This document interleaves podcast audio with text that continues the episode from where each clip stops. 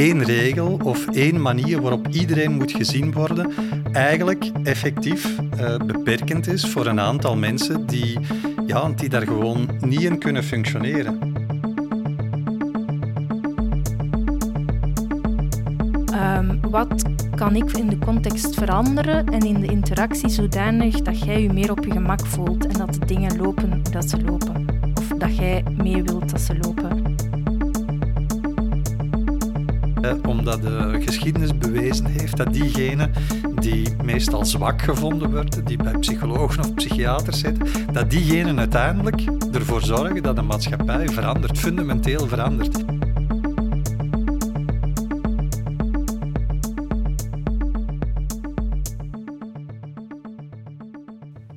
Wie afwijkend gedrag vertoont of zich anders voelt, noemen we al snel ziek. Iemand heeft een autisme-spectrumstoornis, een syndroom of een gebrek dat opgelost of bemiddeld moet worden om goed te kunnen functioneren. De gedachte achter de term neurodiversiteit is die negatieve bijklank loslaten. Maar wat is neurodiversiteit eigenlijk? En lost het de problemen en moeilijkheden van mensen die neurodivers zijn helemaal op? Vinden sommige mensen het niet net fijn om naar een ziektebeeld te kunnen verwijzen, om hun gedrag te begrijpen? Met welke woorden verwijs je het best naar iemand die mentaal of fysiek niet, tussen aanhalingstekens, volgens de norm functioneert? Zijn er misschien antwoorden te vinden in crib theory? En waarom hebben we het hierover met filosofen en niet met psychologen of psychiaters? Je luistert naar Kluwen.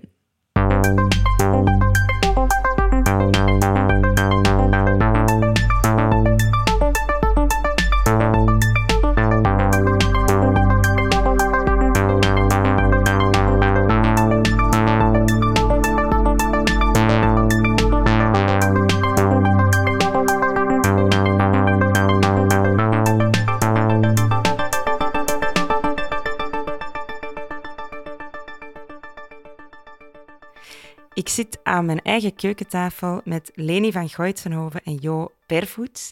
Uh, mensen die ik al een tijdje ken, dus ik ben blij om jullie eindelijk eens aan onze tafel te mogen hebben.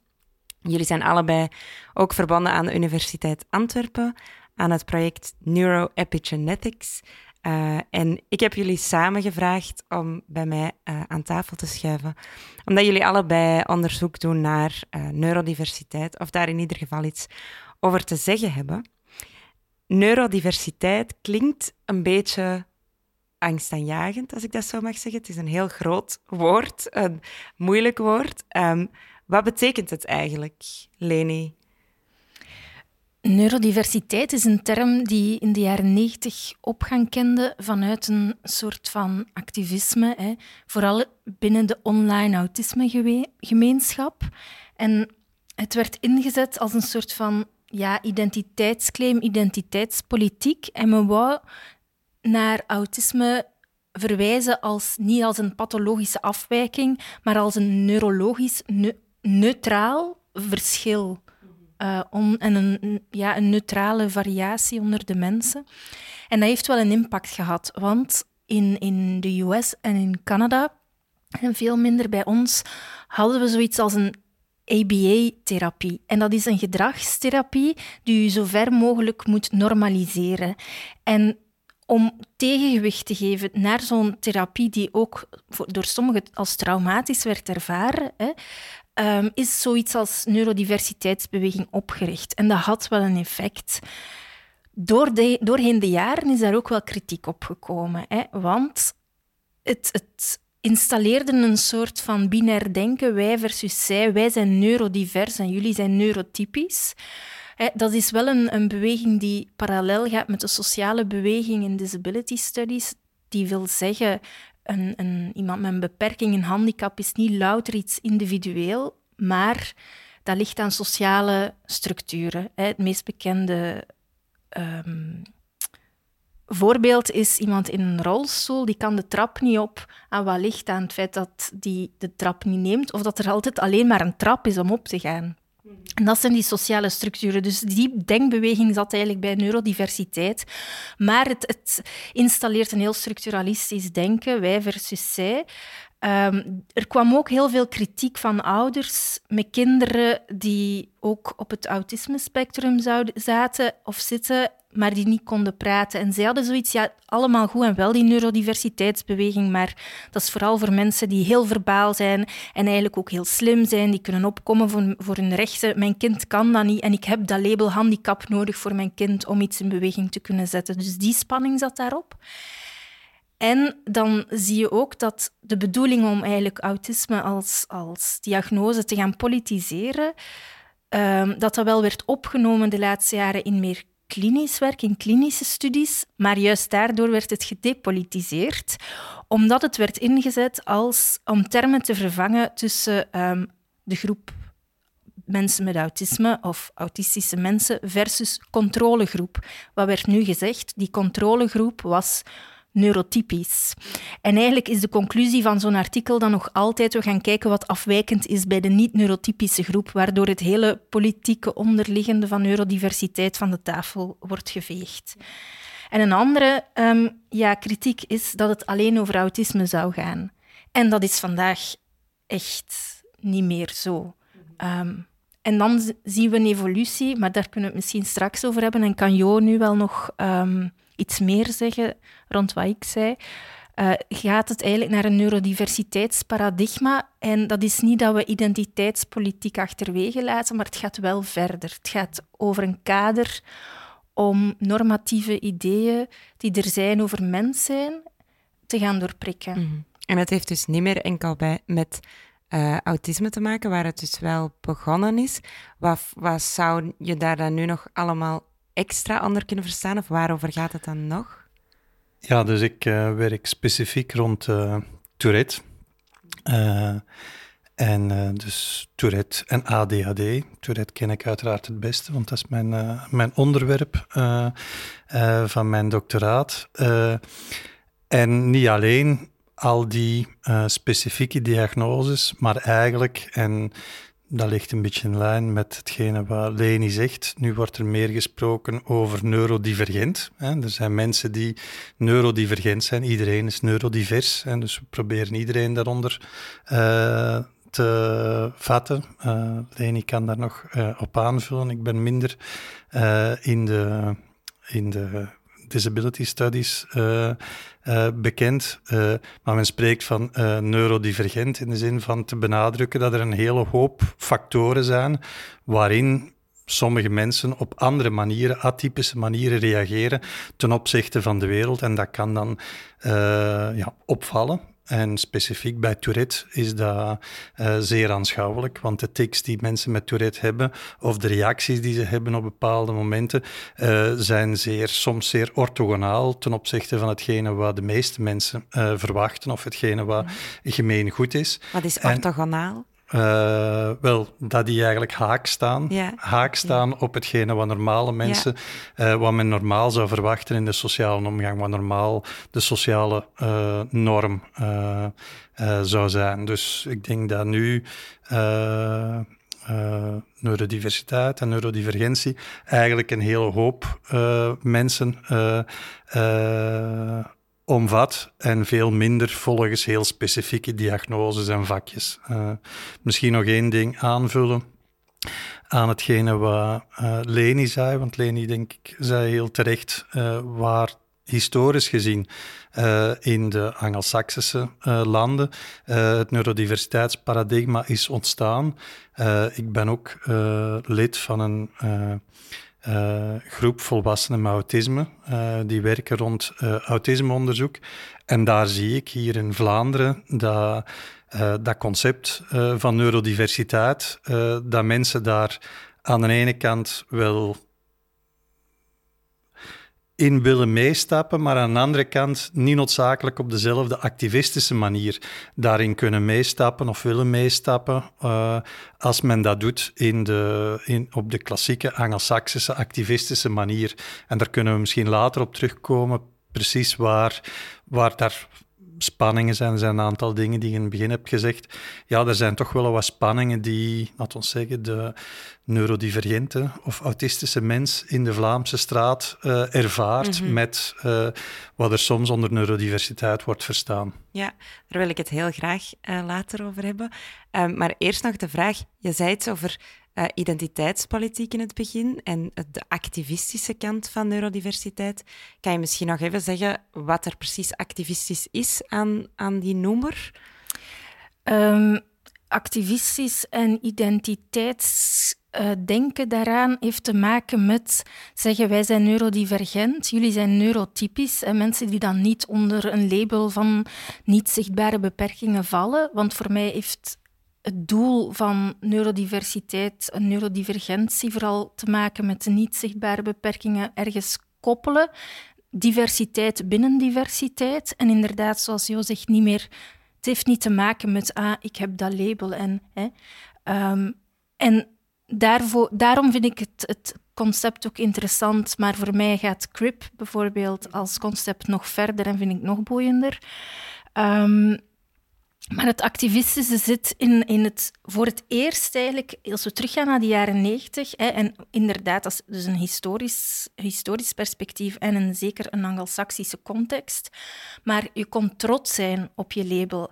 En dat is niet onbelangrijk. Trots zijn op een identiteit die je van buitenaf wordt opgelegd, waar dat ook nog eens een soort van impliciete boodschap bij zat. Je bent eigenlijk minder, want je hebt bij deze een handicap. Dus het is het reclaimen en het omdraaien daarvan. En je ziet dat eigenlijk ook in andere minoriteitsgroepen gebeuren. Dus dat is een heel gekende strategie van activisme, hè, die zeker zijn meerwaarde en zijn effect heeft gekend specifiek in die Anglo-Saxische context. Bij ons inderdaad is dat veel minder. Maar werkende in disability studies in een academische wereld is het concept voor mij wel dankbaar, maar ga ik dat niet meer op die manier inzetten. Mm Oké. Ehm, en neurodivers, ja, het woord neuro zit daarin natuurlijk. We hebben het gehad over CRIP, dat dan breder gaat, als ik het goed begrijp, ook fysieke... Um, ja, Misschien moeten we het ineens hebben over woorden, schat. Wat moet ik eigenlijk zeggen? Wat, wat zijn de woorden die...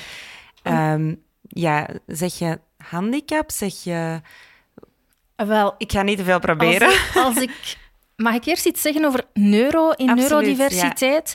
Dat is zelf iets waar ik wel over ben gevallen. Hè. Ik dacht, maar wil ik dat nu gebruiken? Ook in de context van België, Nederland, hè, is er zoveel werk geleverd om te kunnen onderzoek doen naar disability, naar handicap, los van neurologie. Hè? En ineens gaan we dat daar nu terug op de tafel leggen en lijkt dat belangrijk. Maar ja, het is een strategie geweest om het te reclaimen, historisch gezien. Twee, het heeft misschien meer te maken niet met meedoen aan die neurologie, maar om vragen te stellen over um, een paradigma, neurologie of, of, neurologisch onderzoek, dat het heeft over mens zijn. En daar, wat is mens zijn? Hè, die, dat en dat is een discipline die zichzelf heel weinig gaat in vraag stellen. En dat is precies wat dan neurodiversiteit wel wil doen. Want het is dan wel verschoven naar een soort van paradigma die vragen stelt van kijk, wat is kennis? Wat is mens zijn? Ehm, dat is niet alleen maar ratio, cognitie, hè, liefde, intuïtie. Dat zijn even belangrijke kennisbronnen en die komen eigenlijk te weinig aan bod. En het is neurodivers paradigma die daar vragen wilt bij stellen. En dan kunnen we, maar dan zitten we wel heel ver. Fred Moten is iemand die, die zelf zegt: All black life is neurodiverse. Dus het, het postkoloniale denken wordt dan heel sterk aan, aan neurodiversiteitsdenken uh, gelinkt. En dat is Erin Manning die dat helemaal uitspit. En dan gaat het veel meer over. Um, ja, benadrukken dat er veel meer manieren zijn om te bestaan, om te voelen, om te leven in de wereld. En dat we die velerlei verschillen moeten openen, mhm. die volgen en dan kijken naar waar leidt dat ons nu. Dus neuro, de neuro in neurodivers, wil voor jou niet per se zeggen dat je het op een hersenscan kan aanduiden. Oeh, liever niet. Nee, nee. Ik ja, wil, dat is wel iets wat dat wordt opgelost. Voilà, Daar, daar, moet ik, daar ben ik het mee eens zeker niet op een hersenscan, maar ik ben ook uh, gedeeltelijk neurowetenschapper, dus ik doe wel, ik lees wel en ik doe soms ook wel wat mee aan uh, onderzoek uh, die probeert te onderkennen, ja, wat zijn zoal neurologische variëteiten die er zijn in, in het leven. Sommige mensen zijn groter of kleiner en misschien andere mensen kunnen beter zien of beter ruiken of reageren op een andere manier. En dat is niet, en dat is denk ik het maatschappijkritische uh, van uh, neurodiversiteit. Uh, dat is niet om te zeggen van, wij hebben hier, zoals het vroeger wel was, hè, en daar komt neurodiversiteit van aan, we hebben hier een aantal mensen, een categorie van mensen, autistische mensen bijvoorbeeld, die ergens een gebrek hebben aan empathie, of we hebben mensen met Tourette die ergens een gebrek hebben aan controle. dat is niet dat soort neurologie, dat is eerder het idee van, en dat ligt, denk ik, uh, uh, in lijn, uh, kan in lijn gedacht worden met wat Leni zegt van, van Fred Moten. Het is gewoon een kwestie van, ja, doorheen uw ontwikkeling relateert je aan uw omgeving op een bepaalde manier moet dat niet heel specifiek op een hersenscan zien, maar gewoon, uw brein is een deel van uw lichaam en op een of andere manier internaliseert je een aantal uh, dingen en op die manier zijn er verschillen uh, tussen uh, verschillende mensen en verschillende reacties. En ik ben wel iemand die dan wel probeert te kijken van waar kunnen die verschillen ergens op een of andere manier benoemd worden, zodanig dat we beter kunnen verstaan waarom sommige mensen spontaan reageren of waarom sommige mensen uh, minder lang kunnen concentreren enzovoort, zodanig dat we daar op een of andere manier rekening mee kunnen houden. Omdat, en dat ligt wel in de diversiteitsidee, een beetje van, ja, je hebt verschillende soorten mensen nodig om, als je met allemaal dezelfde soort mensen een probleem oplost, dan kom je er minder rap als dat je eigenlijk een divers team hebt, waar er iemand is die wat meer op de details kijkt, iemand anders die wat meer kijkt naar de planning, enzovoort, enzovoort. Mm, ja, ja ik, volg, ik volg je wel, Jo, maar ik denk dat wij daar gewoon anders naar kijken. Maar dat is juist wel boeiend en dat maakt ook de laatste jaren dat het gesprek wel blijft. Hè? Dus, um, maar voor mij gaat dan neurodiversiteit en ik gebruik dat niet heel vaak, dat woord. Hè, omdat ik ook wel voel dat ik ermee, ook door het woord neuro, op een grens stuit. Daarmee ga ik veel meer neigen naar crypt theory. Maar wat die twee doen, en dat is nog altijd een zoektocht welke term ik dan wanneer gebruik, maar wat, wat waarderen we als mens zijn? Hè? En dat is heel mooi wat je uitlegt van een, een diverse groep, maar dat gebeurt gewoon nog niet. En het is nogal, bepaalde dingen zijn minder waardig aan andere dingen. En voor mij is een, een beperking, een handicap, want daar moeten we misschien nog wel op terugkomen, want dat was uw vraag. Ehm, is dat ook altijd contextgebonden en is dat niet zo individualistisch? En ik heb geen nood om dat aan te tonen, om altijd iemands diagnose te weten. Ik heb nood aan de, aan de vraag te stellen: um, wat kan ik in de context veranderen en in de interactie zodanig dat jij je meer op je gemak voelt en dat de dingen lopen hoe dat ze lopen. Of mhm. dat jij mee wilt dat ze lopen. Ehm, en naar terminologie toe. Ehm, ja, vaak wordt er gezegd mensen met een beperking, maar handicap komt ook veel meer terug. Hè, ook op, uit een activistisch perspectief. Um, Anaïs van Ertvelde is iemand die echt het woord handicap terug wil inzetten. Ze wil geen verdoezeling. Um, en ze vindt dat ook een mooi woord, een sterk woord. Maar zij zei ook altijd van, ja, het, juist het feit dat die woordenschat al spanning oproept, dat is heel interessant. En je wilt politiek correct zijn en je wilt niemand tegen de borst stuiten. Ik vind het vooral belangrijk, praat daarover, vraag het. Um, ik denk in ons onderzoeksteam wisselen wij ook van terminologie en duiden wij ook aan waarom dat we dat doen. In een, um, de autistische community willen mensen eigenlijk als autist worden aangesproken, terwijl ouders veel meer kiezen, mijn kind, ik heb een kind met autisme. Dus daar zit er een verandering in. En zo is dat voor elk label. En wat ik gebruik is zowel handicap als beperking als disability. En wat het voor mij betekent is, een disability is, of een beperking is niet heel individualistisch, maar staat in constante interactie met de omgeving, met anderen. Mhm.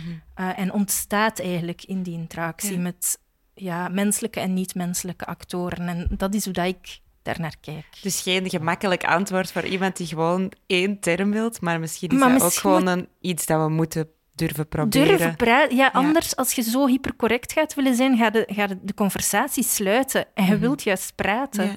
Dus ik denk, vraag het. Ehm, en gebruik het woord waar je jezelf misschien gemakkelijkst bij voelt en vraag het dan. Hè. Zeg van, ik voel me daar wat ongemakkelijk over.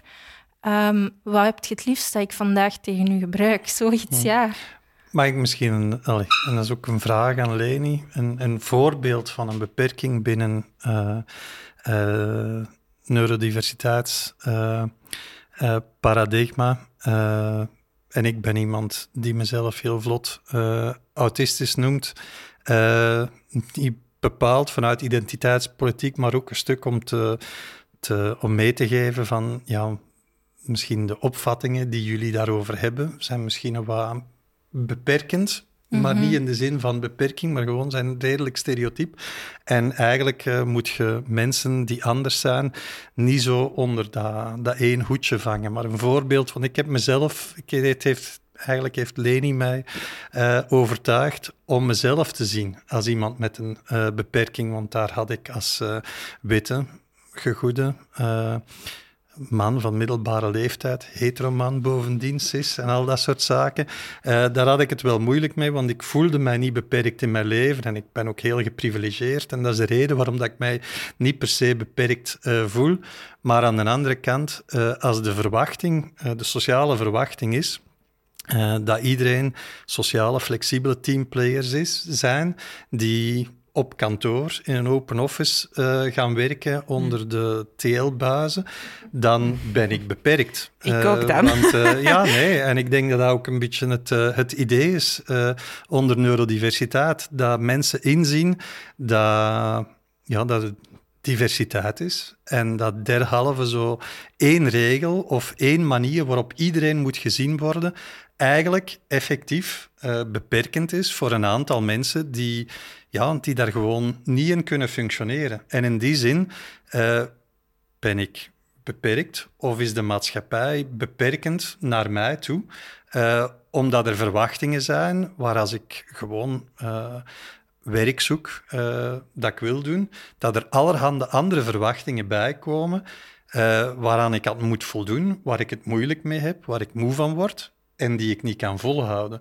En in die zin ben ik beperkt. Maar die beperking ligt heel sterk samen met wat de verwachtingen die mensen hebben. Moesten die verwachtingen anders zijn, dan zou ik misschien nog altijd problemen hebben en misschien beperkt zijn op een andere manier. Maar dan zou ik niet meer die beperking voelen. En dan, Marta, zou jij ook minder beperkingen voelen, misschien ondanks het feit dat er geen diagnoses ja, uh, in, in, in, in, uh, bij u ter sprake komen. Mhm. Ja, dat is inderdaad wat Lene ook zei, dat, dus, hè, dat het ook de context is die u beperkt maakt. Um, iets wat ik me daarbij afvraag is... Um, dus ik begrijp dat, dat er een, een, beweging is van positief of met trots, zoals jij zei, uh, te kijken naar uh, de dingen die, die sommige mensen beperkt maken dan in, in onze samenleving. Maar zijn er ook niet mensen die eigenlijk wel zouden willen naar iets wijzen en zeggen: kijk, dit is kloten. Of dit is, ik weet niet of ik dat op de radio mhm. mag zeggen, maar dit wil ik. Ik wil dat dit gezien wordt als iets wat, mhm. als het oplosbaar is, mhm. dat het beter zou zijn om het op te lossen. Oh, dat zijn twee vragen in één, hè? Dat is... De, Go ahead. dat Ontleed mij. maar dat is de vraag naar... Ik, ik, ik wil het niet. Ik wil het genezen. Ik wil het verbeteren. Ik wil het anders. En het is de vraag naar... Um, ik wil naar een, een soort van categoriepathologie kunnen verwijzen om mijn label te, te bewijzen. Hè.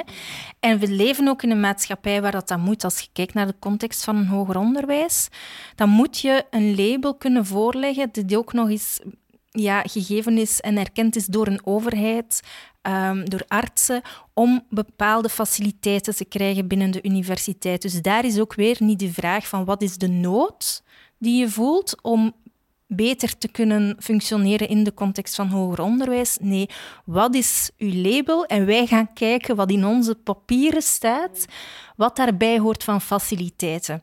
Dus dat is een hele bureaucratische benadering. iemand die iets, dat, waar een vermoeidheidssyndroom, hè, dat kunnen niet gaan aanmelden, denk ik, aan een universiteit. Ehm, ja, dat bestaat al niet en dus die kan niet rekenen op faciliteiten. Ehm, en die zal wel de noodzaak hebben om kijk, ik, ik heb iets echt. Hè? En dat werkt ook verontschuldigend. Dat zie je ook in, uh, in ontwikkelingscondities, ontwikkelingsstoornissen, um, dat mensen heel hard een noodzaak voelden, historisch gezien, om te kunnen bewijzen, kijk, ik ben niet gewoon een ambetant kind. Ik kan er niet aan doen. En dat werkt heel ontschuldigend. En dat is misschien ook de spanning uh, jo, die wij ook altijd voelen in gesprekken bij neurodiversiteit. Je hebt ergens toch nog die identiteitspolitiek nodig tegelijkertijd wilde daar niet aan meedoen, omdat je dan weer mensen vastzet. En ik kijk ook zo naar diagnoses. Diagnoses zijn interessant zolang dat ze in beweging kunnen gezet worden. Zolang dat ze hun werk doen. Als ze hun werk niet doen, dan gaan ze juist een persoon belemmeren. En dan um, ben ik tegen diagnoses. Dus het is geen ja of nee antwoord.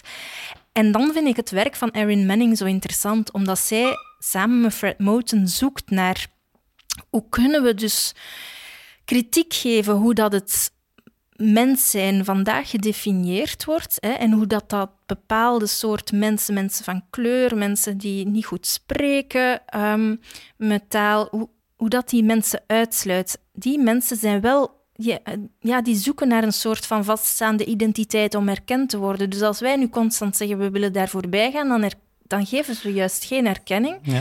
Dus is het idee van we moeten allianties ergens zoeken en alternatieven op ons mensbeeld aanbieden. En dan vind ik het werk van Sylvia Winter van The Humanist Praxis wel heel boeiend. En ik denk het, uh, het woord denk ik dat Leni een aantal keren heeft gebruikt, en dat zie ik ook uh, binnen uh, onze Lava-vereniging, is, is erkenning. En dat ziet ook in het werk van, van mijn promotor Christine en de leider van het Neuroepigenetics project, Christine, Christine Hens. Ja, maar is wel nodig. Mm zij heeft een boek voor beide diagnose. En veel meer dan uh, bij een autisme-diagnose in dat geval, om te weten van wat is dat nu? Is dat dit of dat?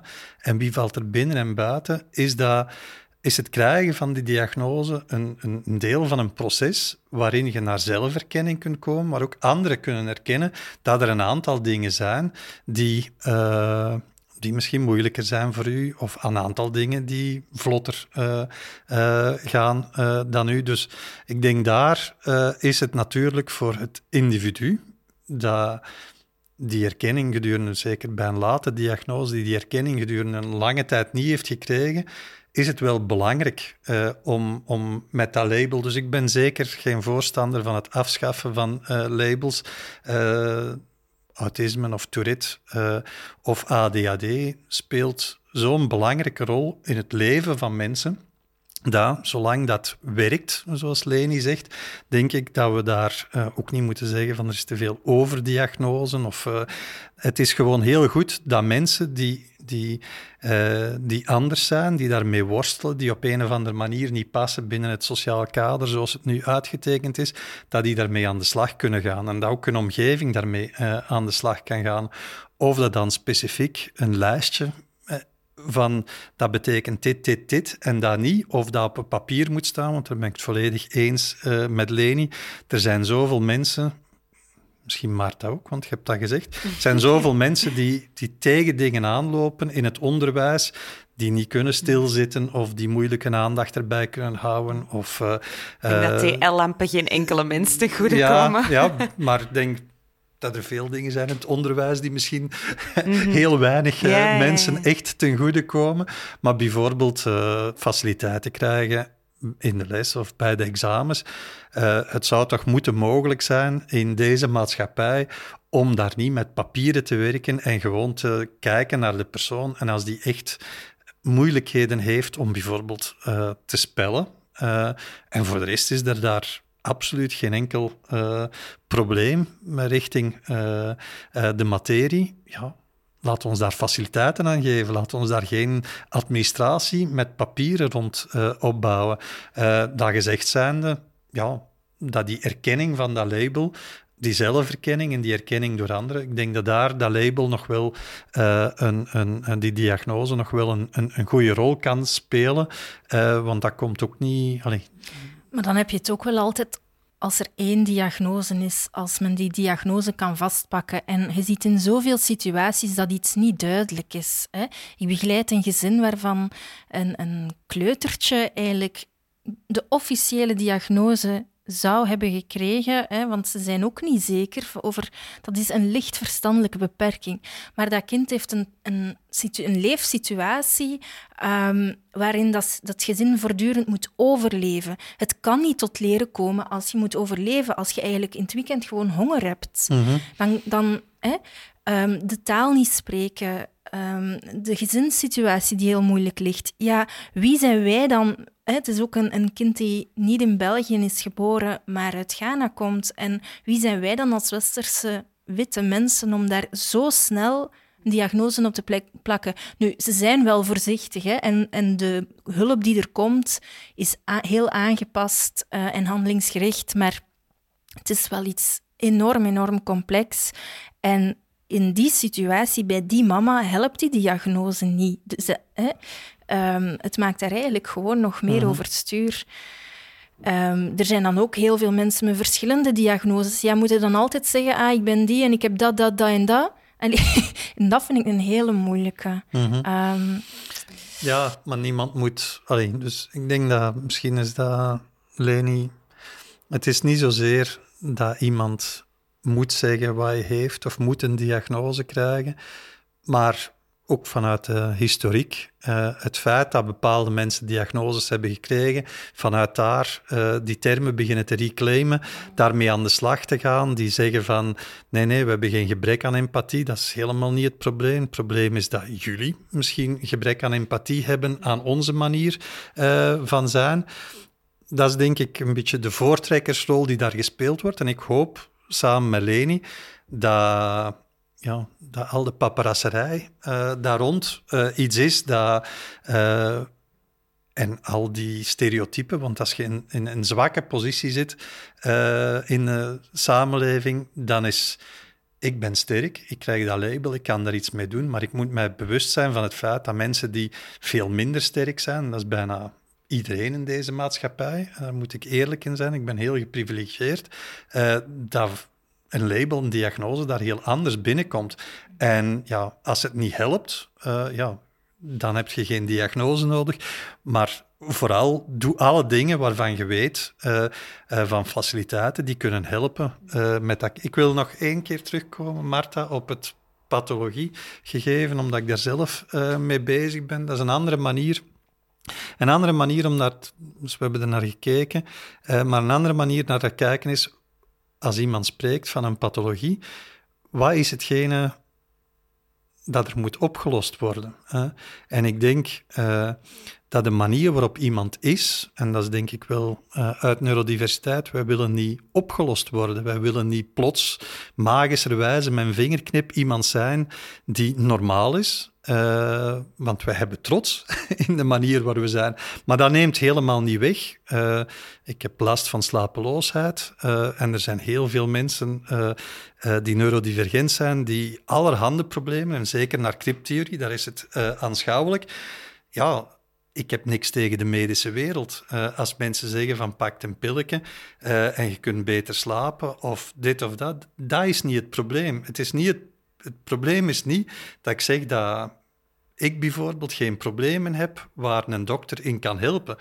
Het probleem is als een dokter naar mij komt en zegt van wij moeten uw autisme in mijn geval, of als een dokter naar iemand met Tourette gaat en zegt van we moeten dat stuk van uw brein ofwel verbeteren of veranderen, of we moeten gewoon uw manier van zijn aanpassen en dan past je terug in de wereld. Dat is denk ik, de, dat is denk ik hetgene waarom er van mij en van anderen zoveel weerstand is met het idee van... Uh, veel meer weerstand met het idee van pathologie of disease en neurodivergentie ten opzichte van disability. Disability een beperking, ja, dat is omdat er beperkingen zijn, dat jij beperkingen hebt, gegeven hetgene wat men van u verwacht.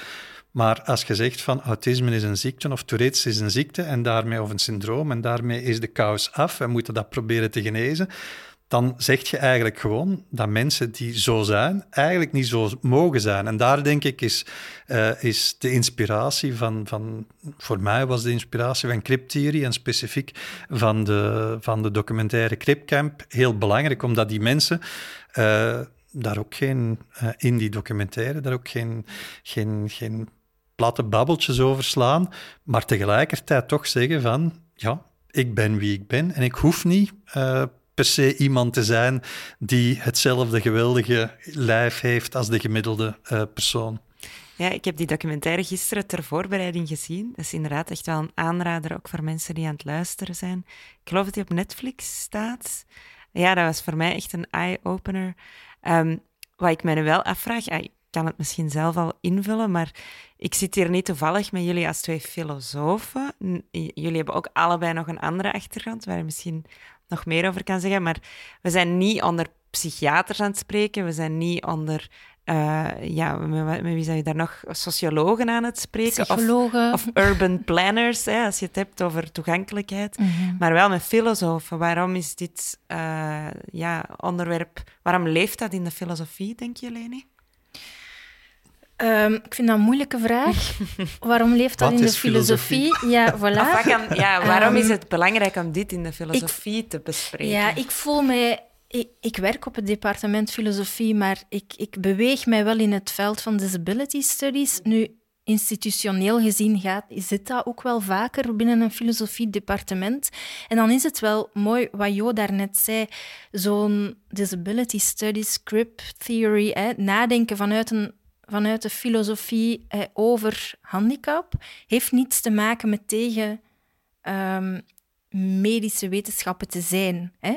Het laat wel zien dat er meerdere perspectieven zijn op dit fenomeen. En dat is het misschien. En dan, hè, we hebben al een shout-out naar Christine Hens gedaan, maar misschien ook naar onze andere collega Gert-Jan van Aken, hè, die arts is van opleiding, maar heel erg geïnspireerd door Disability Studies en Crip Theory en ook ziet van ja, er is niet één perspectief op iets, maar als wij diagnoses geven aan kinderen, en ouders, dan gaan die in een soort traject van psycho-educatie. En welk perspectief krijgen ze mee? Het klinische perspectief. In het beste geval is dat ook handelingsgericht vertaald. We gaan dit, we gaan dat doen.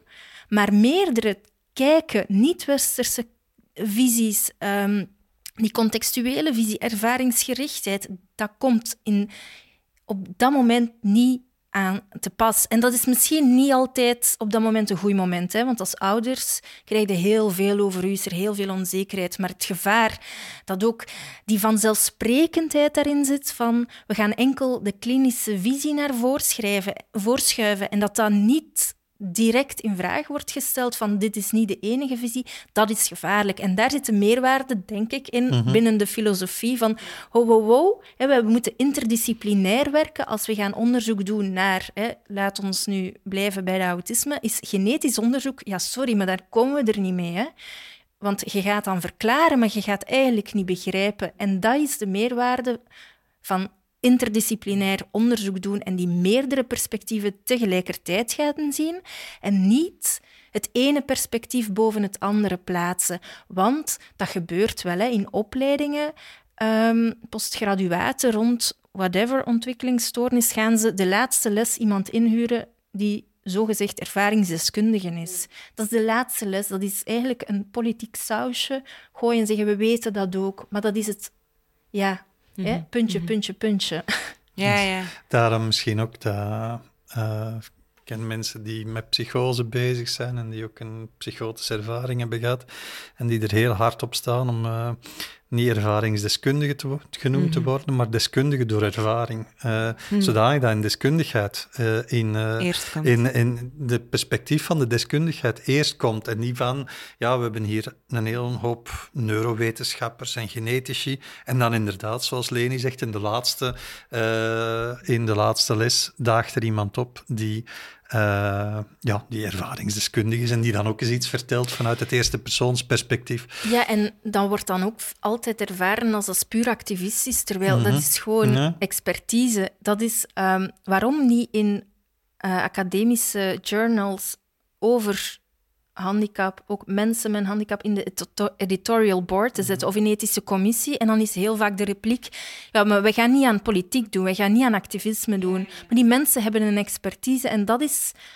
komt eigenlijk naar het begin van ons, van ons mhm. gesprek, hoe dat we naar kennisproductie kijken. Wat zien we als volwaardig, belangrijk mhm. kennisproductie? Die ervaring, dat, is, dat komt er maar bij, maar dat is niet volwaardig, volwaardige kennisproductie. Dat is misschien om terug te gaan naar, naar de filosofie, want de filosofie ik denk nu vanuit de filosofie in onze groep uh, wordt er veel gekeken naar neurodiversiteit en naar krip, maar dat komt eigenlijk vanuit het activisme. We moeten daar, het zijn niet filosofen die begonnen zijn met andere perspectieven uh, op te zoeken. Het zijn mensen zoals een documentaire Kripkamp, die gewoon hebben gezegd, wij hebben een ander perspectief.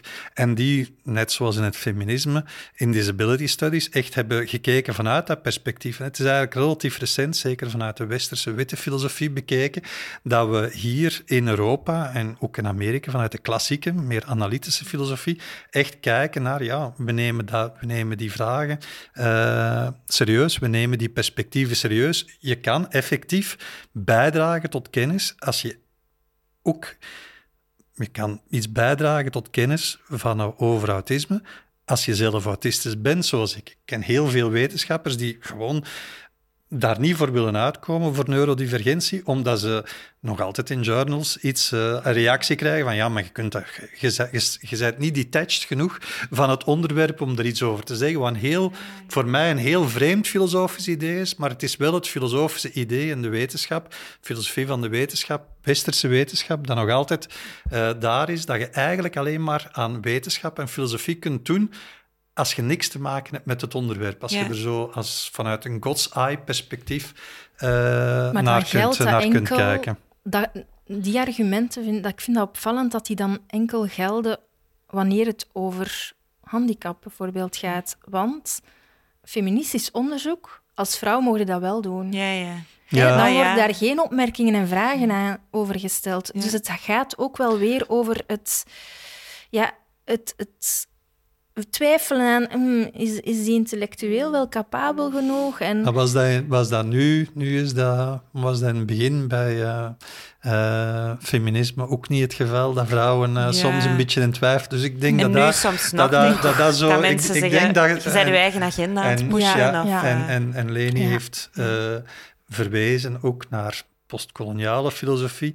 Ik denk dat er eigenlijk wel een, een, een stroom is van het claimen van het eigen perspectief en kennis vanuit het eigen perspectief als een bijdrage tot, tot iedereen's kennis, dat eigenlijk wel een gemeenschappelijke uh, noemer is. Ik wil nog even terugkomen op waarom psychologen en psychiaters, ik denk ook historisch, en dat connecteert met hetgene wat Leni in het begin zei.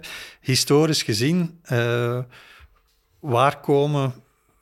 Uh, waar komen disabilities en, en autisme, Tourette, dat zijn eigenlijk die komen bij psychologen, bij dokters en psychiaters, omdat ouders specifiek in ontwikkelingsstoornissen op een of andere manier niet meer voort kunnen. Ouders en kinderen komen niet meer voort. Dus vanuit dat historisch perspectief zit je eigenlijk met een medisch perspectief. Eigenlijk, dat is hetgene waar, waar, waar het, het hele gegeven eigenlijk aan de oppervlakte komt. Het probleem is, en als je kijkt naar uh, de Anglo-Saxische landen, is dat met iets als, als die gedragstherapieën, ABA, waar mensen dan zeggen van ja, het probleem is dat sommige kinderen niet goed, bijvoorbeeld, niet goed in andermans ogen kunnen kijken terwijl ze spreken. En we gaan het, dat gedrag, we gaan gedragstherapie doen, zodanig dat ze dat wel doen. Uh, en dan vinken ze dat af. Dat lukt.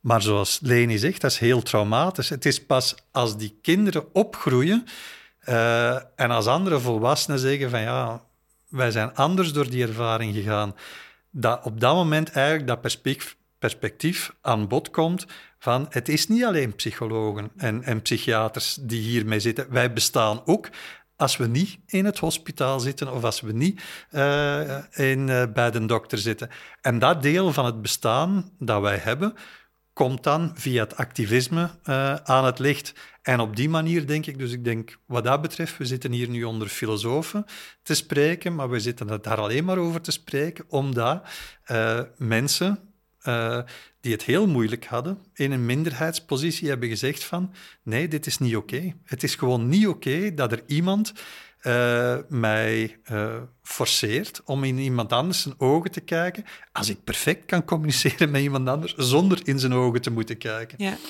En is dat iets wat dat jullie, dus hè, die neurodiversiteit en crypt theory, wint wel een beetje aan populariteit? Zijn jullie daar hoopvol over, over waar het naartoe gaat? Ja, ik ben wel heel content de laatste tijd, omdat ik ben daarmee begonnen in 2013, hè, theoretisch dan. Um, en in het begin was dat nogal vreemd om in een literatuurdepartement te werken en dan te zeggen, ah, ik werk vooral over de zelfrepresentatie van mensen met autisme in gepubliceerd werk. Um, dat was een beetje... Ik voelde mij vaak een vreemde eend in de bijt. Um, ik ben dan veel meer interdisciplinair gaan werken. Ik ben bij disability studies slash klinische orthopedagogiek terechtgekomen, bij filosofie. Hè.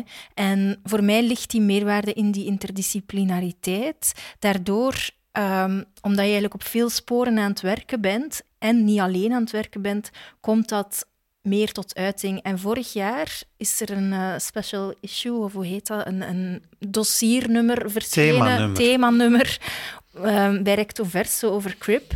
En wij waren eigenlijk met vier editors die vanuit verschillende invalshoeken keken. We hadden iemand echt vanuit het activisme, een kunstenaar, en dan iemand uit het rechtenperspectief, mensenrechtenperspectief, en dan twee meer um, vanuit die disability studies. En je voelt dat die interdisciplinariteit in het kijken ook op dit fenomeen van ja, CRIP... Um, of handicap in het algemeen. En het ging dan over handicap en toegankelijkheid in de kunsten. Dat dat al heel boeiend was en dat dat wel meehelpt um, om dingen bekender te maken. En dat is eigenlijk heel goed onthaald, ook in Vlaanderen, in, um, binnen kunsthuizen. Nu, ze moeten inzetten op diversiteit en op inclusie. Dus het kwam wel ook gewoon, denk ik, strategisch goed uit. Um, maar in die zin ben ik hoopvol. Daarnaast is het ook wel, eh, CRIP is geen makkelijke term. Het wordt heel snel in de mm. mond genomen. Uh, wat... het komt ook van cripple, denk ik. Daar heb ik toch eerder negatieve connotaties mee, ja. als, alsof het een scheldwoord is. Ja, en dat is een beetje hetzelfde als bij neurodiversiteit. En we zien dat heel mooi in die documentaire Crip Camp. Um, dat is opnieuw toegeëigend. Mensen um, zeiden van, ik voel me eigenlijk beter bij cripple Um, omdat ik dan andere mensen het ongemakkelijk kan maken, in plaats van dat zij mij ongemakkelijk maken dat ik iets niet kan. Dus dat was een beetje de beweging. En Crip is uitgegroeid tot, ja, dat is een geuzennaam. Maar wat voor mij interessant is, is dat gaat niet alleen over handicap, dat gaat over ziek zijn, over mensen die um, zich anders voelen. Hè. De vraag van wie kan Crip toe-eigenen en niet, dat is een heel complexe vraag. Maar daar komt dan het feit dat je die vraag constant opnieuw stelt, is mhm. eigenlijk de kern van CRIP voor mij. Mm Omdat ouders, een geliefde die bij iemand woont, die heel veel zorg nodig heeft, fysische zorg, ja, die identificeert zich daar ook mee. Hè? En het zijn die allianties die je moet opzoeken en die belangrijk zijn. En in de film Crip Camp komt ook de allianties naar andere minderheidsbewegingen heel mooi aan bod. En dat vind ik zo sterk. Het gaat over erkennen van diversiteit, hè, het inderdaad benoemen van uw handicap, tegelijk bridging naar een, naar een maatschappij en het tonen hè, want van andere identiteiten. Want CRIP gaat over. Um, of zo is dat ook wel begonnen. Ik, ben, ik heb een handicap, maar ik ben ook een seksueel wezen. Dus mhm. alles rond seksualiteit was daar heel belangrijk in.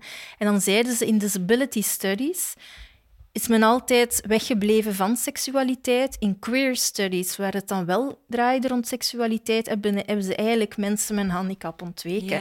En CRIP is dan eigenlijk de kruising tussen de twee. Allee, mm. hè, om het heel... Ja. ja, ik kan me voorstellen, inderdaad, we hebben het daar nu nog niet zoveel over gehad, dat er ook heel veel kruispunten of, of ja, intersecties, uh, om het met het begrip uit de filosofie te zeggen, zijn tussen CRIP-identiteiten en gender bijvoorbeeld of huidskleur. Is dat iets wat je in jullie onderzoek ook naar voren komt? Ik ben nu meer en meer bezig met de link met postkoloniale filosofie. Dus, maar dat is, ik denk in het, in het neurodiversiteit, ik denk dat die link er zeker is en dat dat een heel belangrijke link is. En je ziet die link voor een stuk in die dynamiek van het toe-eigenen uh, van wat vroeger uh, scheldwoorden waren. En eigenlijk, Marta, je hebt er ook rond gewerkt, hè? trots. Ja, ja, het, het idee, het, idee, het idee van, van, van trots te zijn. En in mijn geval bijvoorbeeld, dat kan zeggen, ik, ik ben autistisch, what of it? Hè? Uh, en als iemand mij zegt, ja, maar je ziet er niet autistisch uit, dat ik zeg van ja, oké, maar toch ben ik het. en, uh, en, en ja, uh, dat soort toe-eigenen, uh, en dat is niet zoals en Leni zegt, dat, dat is geen kwestie van identiteitspolitiek, dat is een kwestie van, jullie noemen mij allerhande verschillende namen en oké, okay, ik ben zo en ik mag zo zijn en het heeft waarde om zo te zijn. En uiteraard, als je verschillende namen tegelijkertijd, en zeker in de autistische gemeenschap, zie je dat er heel veel uh, genderqueer en non-binariteit is en, en uh, homoseksualiteit en, uh, en transseksualiteit ook. Dat, dat je ziet van ja, er zijn eigenlijk komen spontaan in die uh, neurodivergentie komen er spontaan eigenlijk meer en meer mensen die zeggen van ja, ik ben vrouw en ik ben uh, queer en ik ben autistisch enzovoort enzovoort. En dan wordt het zoals uh, Leni zei, dan is het veel minder van daar overal papiertjes van te hebben en te zien wat dat elk apart is en wordt dat meer van ja, op een of andere manier gedragen wij ons in een minderheid. Mm. En hebben we daar sociaal, hebben we, is het beperkend hoe dat sociale structuur georganiseerd wordt ten opzichte van ons. En dan is het heel inspirerend van die mensen die tegelijkertijd verschillende knopen, dus op verschillende knopen intersecties zitten en die van daaruit kunnen getuigen. Want dat weerhoudt u ervan om u vast te zetten op ik ben autistisch en ik ben een superman of een supervrouw, want ik kan dit of dat veel meer. Dan wordt het veel boeiender, want dan zeg je, ja, maar daar, daar is iemand, bijvoorbeeld uh, een migrant, die zich niet zo gemakkelijk kan uitgeven uh, met, met autisme, maar die heeft ja, die migratieachtergrond als een deel van, uh, uh, van de complexiteit die hij of zij of hen ervaren uh, binnen, binnen deze maatschappij. En het is eigenlijk boeiend als je die trots op alle mogelijke manieren van je zijn kunt samenvoegen. En op die manier denk ik, ik ben daar optimistisch in, eh, omdat de geschiedenis bewezen heeft dat diegenen die meestal zwak gevonden worden, die bij psychologen of psychiaters zitten, dat diegenen uiteindelijk ervoor zorgen dat de maatschappij verandert, fundamenteel verandert. Dus dat zal bij disability en bij CRIP, denk ik, en bij CRIP, denk ik, is dat al geval. Ik bedoel, er is heel veel dat er in architectuur gebeurd is, dat 40 jaar terug ondenkbaar was. Dus ik ben er heel optimistisch in, maar dat betekent niet dat we binnen dit en twee, drie jaar uh, ja, plots in een walhalla zitten. Ik vrees dat we nog altijd in de bureaucratie van de universiteiten zitten, die voor elke faciliteit een papiertje nodig hebben. Misschien moeten we dit eens laten horen aan de rectoren. Ja, dat zou wel fijn zijn. um, maar en belangrijk is ook wel om mee te geven dat CRIP ergens die intersectie met mensen van kleur van in het begin heeft gemaakt. Ook historisch gezien, hè, er was een sit-in in, in de Verenigde Staten om de rechten van de mens en mensen met een handicap um, erdoor te krijgen. Hè. Dat is um, 504, heette dat. En kwamen de Black Panthers hun eten brengen. Hè? En er werd een soort van interactie op gang gezet van hoe kunnen wij jullie helpen om, om die wetgeving hier door te krijgen. Um, je ziet ook in de kunsten, ik verwijs nu wel weer naar, een, naar de VS, maar Sins Invalid is een performance theatergroep en dat gaat eigenlijk enkel over mensen van kleur en, en niet-normatieve lichamen, want het gaat niet alleen over handicap, het gaat ook over ja, dik zijn bijvoorbeeld. En mogen wij dan ook op scène staan en een theaterproductie maken? En, um, dus alles komt daar eigenlijk in samen en ik vind dat zo boeiend. Hè. Maar je moet het nog altijd uitleggen wat CRIP is. En dat vind ik dan weer belemmerend. Van, ja, is het dan wel duidelijk? Doet het genoeg zijn werk? Maar voor mij geeft het ontzettend veel inspiratie om zo naar de wereld te kijken. En de vraag te stellen van, hè, wat ik in het begin zei, we moeten eigenlijk benadrukken dat er gewoon verschillende manieren van zijn bestaan en mogen bestaan en dat die evenwaardig zijn. En dat de dat dat verschillende perspectieven geeft op de wereld en dat die verschillende perspectieven verrijkend zijn uh, uh, in onze wereld. En effectief, dat ziet je elke dag, dat is verrijkend. Uh, en dat denk ik, voor mij is dat filosofisch toch dat is niet alleen maatschappijkritisch, maar ook filosofie-kritisch in de zin dat uh, we echt weg moeten gaan van dat er is één perspectief op de wereld en alleen diegenen die dat afstandelijk bekijken, kunnen dat soort uh, kunnen wetenschap bedrijven. Nee, kennis komt uit de verschillen, niet uit het feit dat iedereen gelijk wordt, uh, wordt getrokken. En dat is natuurlijk een strijd die, die, die van jullie gemeen heeft met alle andere ismes, zou ik zeggen. Is er zo nog iets dat jullie niet kwijt hebben gekund, dat je nog zou willen toevoegen? Ja, ik denk dat we nog lang kunnen doorgaan, maar wat ik misschien nog heel duidelijk wil stellen, is dat Crip niet als, niet als een vaststaande identiteit moet worden gezien. Van jij zet Crip of je zei het niet, maar dat dat, of althans voor mij, een attitude is om om te gaan met dominante normen. En dat daarom voor soms ook Crip beter werkt dan neurodiversiteit, omdat je daar, hè, zoals we het hadden over het woordje neuro, dat dat toch nog te eng is voor mij of te essentialistisch lijkt te kunnen worden. En dat ik daarom verkies om, om CRIP te gebruiken als ik zeg ik ga met een CRIP perspectief kijken naar, hè, dat dat dan toch nog iets anders en breder dingen kunnen oproepen dan ik ga met een neurodiverse perspectief kijken naar. Ben je het daarmee eens, Jo? Want jij ah. houdt wel vast aan het woord neurodivers, toch? Uh, ik ben het daar wel. Voor mij is het effectief één. dus voor mij is het effectief allemaal een manier om tegen een dominante manier van kijken in te gaan. Tegen of dat nu gaat over huidskleur, over seksualiteit, over anders belichaamd zijn of over anders bebreind zijn. Ben daar. Een mooi woord. Ik, uh, ik ben daar. Uh, ik ben daar. Allee, ik, ik kan mij dat voorstellen dat er mensen ja, anders bebreind zijn. Ik kan me dat niet voorstellen dat dat groot verschil is, kwestie, dat dat een categoriek of een essentialistisch verschil is tussen mensen met of zonder empathie enzovoort enzovoort.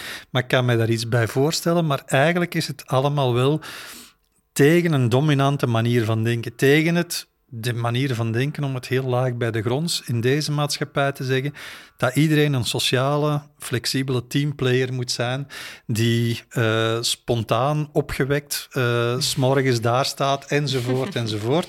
Dus, dus zijn de neurotypische aan het beschrijven? Of? Ja, nee, niet zozeer. Ik denk niet dat er neurotypische mensen zijn, maar ik beschrijf eigenlijk een verwachting. En een verwachting van, uh, ja, een beetje ja, eigenlijk niet zozeer de meerderheid, maar de dominante macht die zegt van, om het dan heel cru uit te drukken, economisch gezien is het best als iedereen ongeveer zo is. Niet te dik, niet te dun, uh, s'morgens welgezind, veel joggen, enzovoort, enzovoort, enzovoort, in een open office uh, kan plaatsvinden.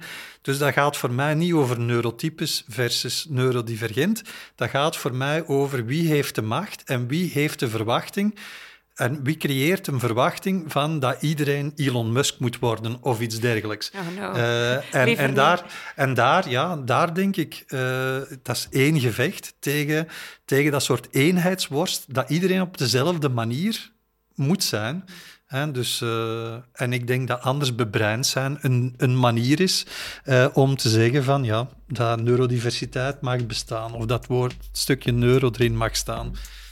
Allee, Anders breinige aller landen, verenig u. Je luisterde naar Kluwen. Bedankt aan Leni en Jo en aan Anne Lucassen voor het beeld. Wat vond je van deze aflevering? Praat mee op onze sociale media.